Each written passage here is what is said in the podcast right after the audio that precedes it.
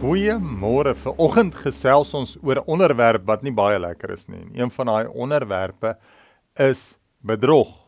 En dan saam met dit gaan ons praat oor seën. Kom ons gee die agtergrond hiervoor. Jakob bedrieg sy boetie Esau.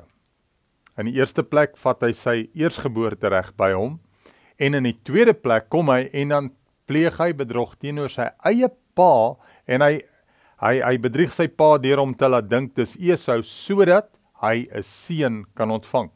So, hy probeer die die ding wat ons noem die doel heilig die middel daar in Genesis 27 en dan omdat hy 'n seun wil hê, omdat hy die eerstgeboorte seun wil hê, ehm um, bedrieg hy sy pa om daai seun te kan verkry.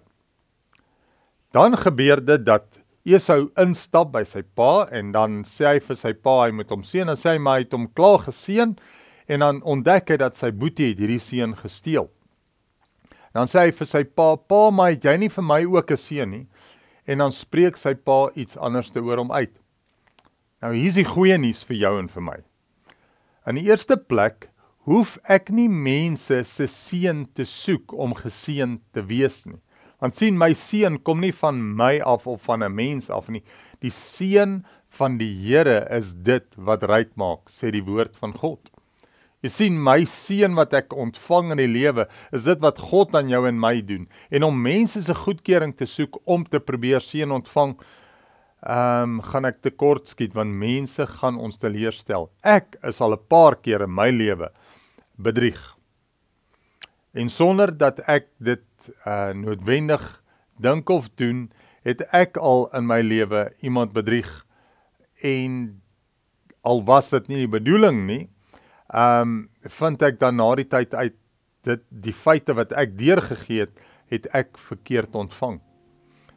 Ons kan leer hierdeur. Ons kan leer dat as ons luister na die stem van die Here en sy woord lees, dat hy ons sal help dat ons mense met eer en respek sal behandel, dat ons nie ook dieselfde pad sal gaan nie, maar die woord sê ook dat ons moet waarheid praat teenoor mense.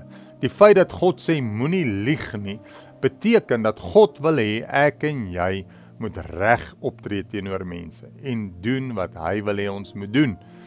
Maar kom ons soek God se seën en kom ons seën mense met die seën wat van Christus afkom dat ons nie in dieselfde struik trap nie. Ons wil tog lewe gee vir iemand anderste. Kom ons bid net saam. Vader, dankie dat ons kan luister na u woord en dat u ons lei sodat ons in die weg van waarheid kan wandel en ander mense kan seën met die seën van die Here, nie net 'n menslike seën nie. Amen. Geseënde dag vir jou verder.